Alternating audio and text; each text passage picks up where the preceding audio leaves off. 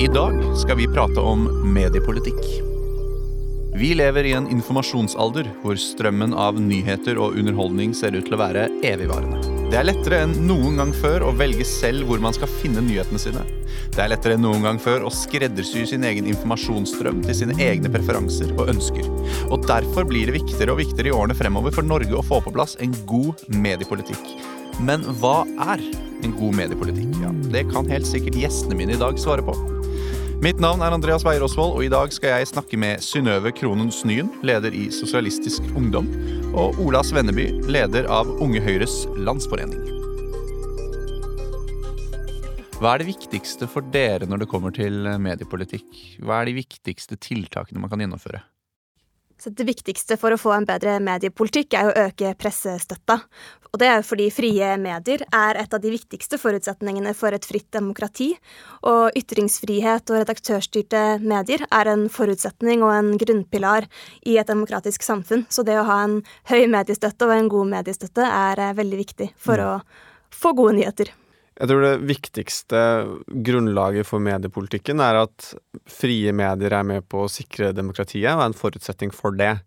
Så det er på en måte et ganske viktig utgangspunkt å ha med seg, og så må man forme politikken etter det. For Unge Høyre sin del så, så, har, så er det som står i høysetet, er, er, at mediene skal være frie. At det skal, ikke skal være statlige eller politikere skal blande seg inn i det. Samtidig som at vi også er for Um, samtidig som vi også er for f.eks. For NRK, fordi NRK er en reklamefri kanal også, som gjør at man også er en kanal som heller ikke er påvirket av kall det markedskreftene, eller, eller, hva du vil. Så at mediene skal være frie, og at de skal være uavhengige av politikere og andre, andre folk eller organisasjoner som besitter makt, tror jeg er det viktigste utgangspunktet. Hvorfor er mediepolitikk så viktig? Jeg tenker jo at det er et spørsmål som er veldig stort, fordi nyhetsbildet og det som går på TV, hva man leser i appene til nyhetsaktørene, er jo noe man kanskje tar litt for gitt, da. Det bare er der. Men det er jo der fordi man sørger for det, at det er en politikk som er på plass som gjør det mulig. NRK er jo en eh, allmennkringkaster som får eh, mye offentlig støtte, og det er jo veldig bra for oss som leser mye nyheter og ser på TV eller ja, i det hele tatt. Sånn at det er jo ja. ja. Og vi har jo, som du nevner, vi har jo NRK. Dette er jo en statskanal. Men hvorfor skal vi, skal vi ha en statskanal, syns du? Ja, jeg syns det er ja. Eh, viktig. Det er kjempeviktig. Man, jeg tenker at Man ser jo det bare i USA, ikke sant? hvor eh, polariseringen er så stor. Det er eh, stor splittelse mellom de som ser på Fox News og de som ser på CNN. Og at det å ha NRK, som er en aktør som har høy tillit i befolkningen, og som er en seriøs aktør i Medie-Norge, er kjempeviktig for at vi alle skal ha en form for felles virkelighetsforståelse. For når alle, hvis alle leser bare sine egne nyheter, eller som er skreddersydd til seg selv, så mister man kanskje den, det fellesskapet og den felles forståelsen av hva som skjer i samfunnet rundt oss. Og jeg tror eh, det er viktig at vi i den tida framover har en, en nyhetsaktør som er, har såpass høy kvalitet, og som formidler et godt nyhetsbilde til eh, oss mennesker. Eh, jeg tror, Hvis man tar NRK som et eksempel, da, så mener jeg det man har gjort der, er ganske, ganske fornuftig. For der har jo finansieringen og eierskapet vært direkte underlagt staten. Mm -hmm. Som betyr at staten i realiteten egentlig har kunnet gått inn og sagt 'gjør dette og dette', uh, men hvor man endrer en eierskapsformen, så det, er, så det bare er en, en, slags At NRK eier seg selv, og at eh, staten ikke skal mene noe om det, og at man har en finansieringsordning over skatteseddelen istedenfor at man finansierer det over statsbudsjettet. Ja. Fordi så lenge man har finansiert NRK over statsbudsjettet, f.eks., så har man kunnet, da har man jo, man jo i realiteten hatt muligheten til å si nei, da kutter vi støtten til NRK flatt. Og jeg tror, jeg tror um, medier og frie medier er jo en, en, hva skal jeg si, en institusjon på linje med, høy, på, på linje med Høyesterett, f.eks. Ja. Og måten man har innrettet Høyesterett på, er jo ikke bare at Det skal jo ikke bare stå seg når det er fred. Mm. Det er verdens enkleste sak. Men det må jo også stå seg hvis hva skal jeg si, shit hits the fan, på ja. linje som det har gjort i f.eks. Polen. da eller Ungarn de siste årene, at mediepolitikken også må kunne bli stående dersom man hadde fått autoritære politikere, eller politikere som ønsker å sensurere mediene osv. Hvordan tenker dere at staten burde støtte uavhengige eh, kanaler?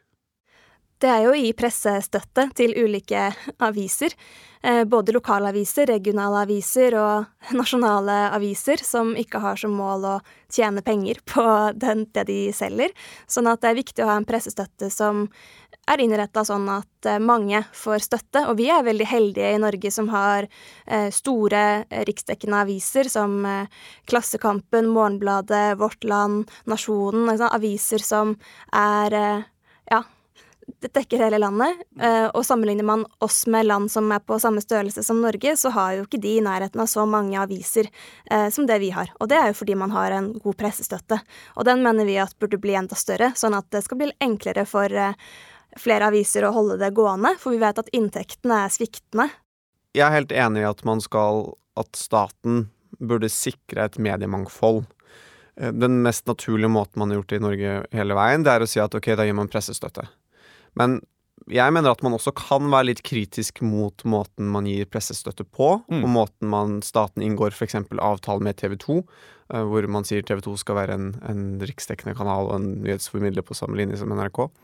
Fordi at uh, det kan også føre til at hvis man får uh, litt mer autoritære politikere enn det man har i dag, mm -hmm. at også det kan brukes som et pressmiddel overfor mediene.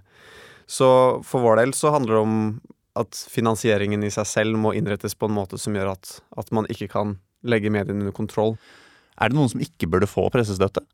Jeg tenker at eh, aviser som eh, VG, Aftenposten, Dagbladet, som eh, tar ut profitt eh, fra det de skriver, fra lese, leserne sine, de som betaler for å lese artiklene der, og eh, hvor eierne tjener penger på, på nyhetene, så burde kanskje ikke de få mye offentlig støtte, mm. men aviser som ikke tar ut eh, profitt til eierne sine, burde kanskje få enda mer eh, for å dekke opp for de eh, fallende inntektene man, man har.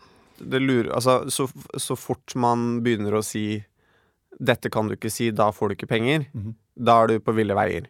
Og det er litt det som jeg syns er et problem i, i dag, er jo ikke, ikke, på, ikke, for medienes del i dag, men for å trekke én parallell. Mm. Hvis man ser på uh, pengestøtten til en organisasjon som heter HRS, Human Rights Service. Ja. Den regner jeg med at det er veldig mange som har hørt om. Mm. Men det er et veldig typisk eksempel på at politikere går inn og gir penger til noe de liker, eller noe de ikke liker. Det er veldig udemokratisk, etter mitt skjønn. Mm. Man burde mye heller ha, ha, felles retningslinjer. Da har man lik støtte til alle organisasjoner, eller så har du ikke støtte til noen av dem. At politikere skal gå inn og si 'jeg er veldig glad i Antirasistisk Senter, derfor skal de få mer penger'. Altså, Jeg er jo helt enig med formålet til Antirasistisk Senter, men det er jo udemokratisk at de skal få det, fremfor Salam eller mange andre organisasjoner. sant? Så det farligste man gjør i mediepolitikk, er nettopp å gjøre som man gjør for organisasjonene at det er politikere som går inn og sier 'jeg liker denne avisen', eller 'jeg liker dette mediehuset', eller 'jeg liker denne nettavisen', eller 'jeg liker denne filmprodusenten', derfor de skal få penger. Mm. Så hvis man skal ha støtte til medier, så må den være helt flat, og den må ha noen hva skal jeg si, objektive kriterier. Men er det noen objektive altså gå, Hvor går grensen? Hatefulle ytringer, mm.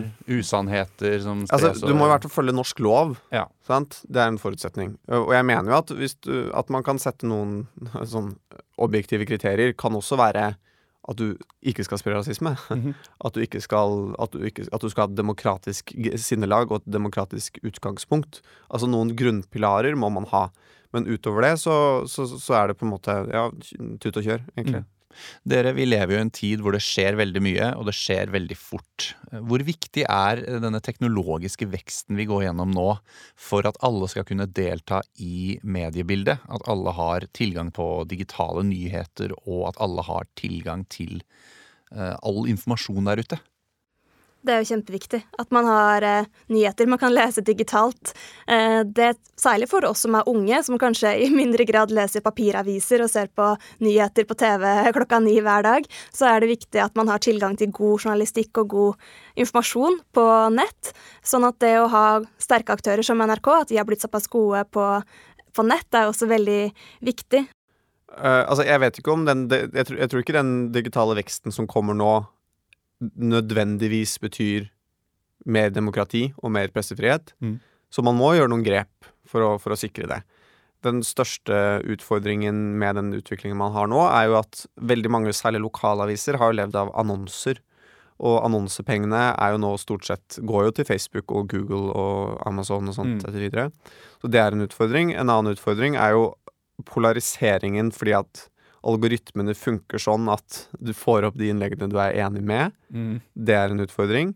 Og så er det en utfordring at man ikke lenger kan ha um, Altså presseetisk kontroll kan også være en utfordring. Mm. Så det er veldig mange utfordringer med det, men jeg tror at man skal fortsatt ikke glemme at sosiale medier og den digitale utviklingen har jo ført til at det er flere mennesker som har et rom for å ytre seg, og det er grunnleggende bra.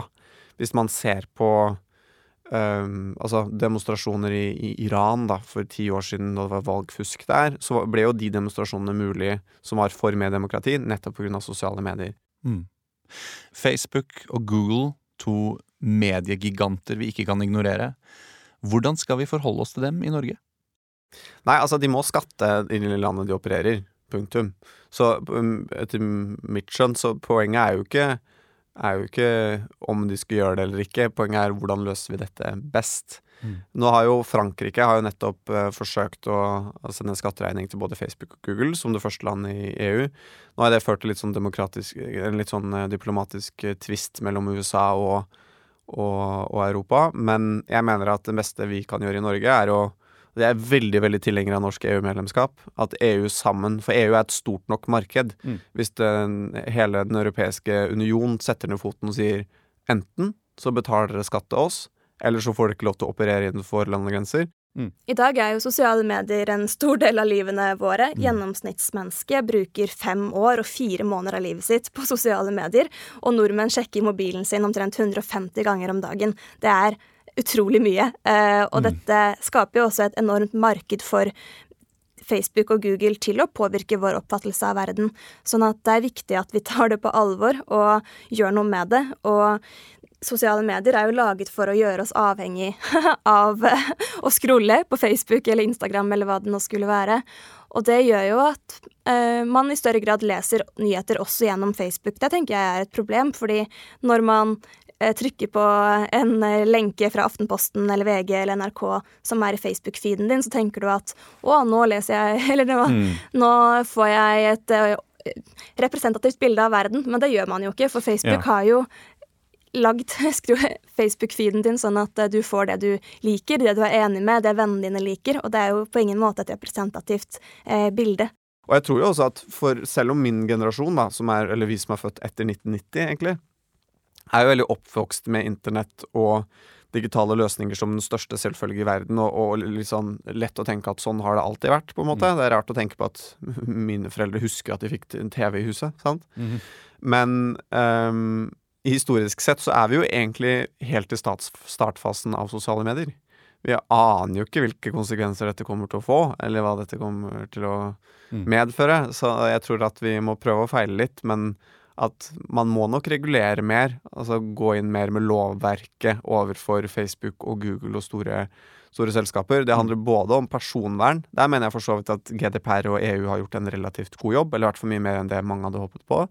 Men også skatteregler, eh, hvilket redaksjonelt ansvar de skal ha. Mm. Eh, her er det mange, mange, mange ting som er utfordringer som de må, må ta tak i. Hvorfor skal unge personer være opptatt av mediepolitikk i Norge? Fordi det handler om hva slags samfunn vi ender opp med å leve i. Det handler om demokratiet vårt. Og det er noe heldigvis de fleste i Norge er enige om at det er viktig å verne om. Og det er viktig å ha en politikk som sørger for at man utjevner forskjellene mellom folk, og at alle har tilgang til gode nyheter. Og jeg tenker at eh, særlig eh, unge og folk som har dårlig råd, burde ikke har mindre tilgang til informasjon enn de som har råd til å betale mye penger for å lese nyheter. Sånn at eh, jeg syns det er viktig at eh, man på videregående skoler, på universiteter, får tilgang til, eh, til aviser, også det som ligger bak betalingsmur. Og det er viktig at man sørger for at vi som driver med politikk, sørger for at alle har tilgang til eh, nyheter, for det er viktig for å kunne delta i demokratiet. Altså Norske medier, frie medier, er en institusjon på lik linje med Høyesterett, på linje med forvaltningen, på linje med regjeringen og storting.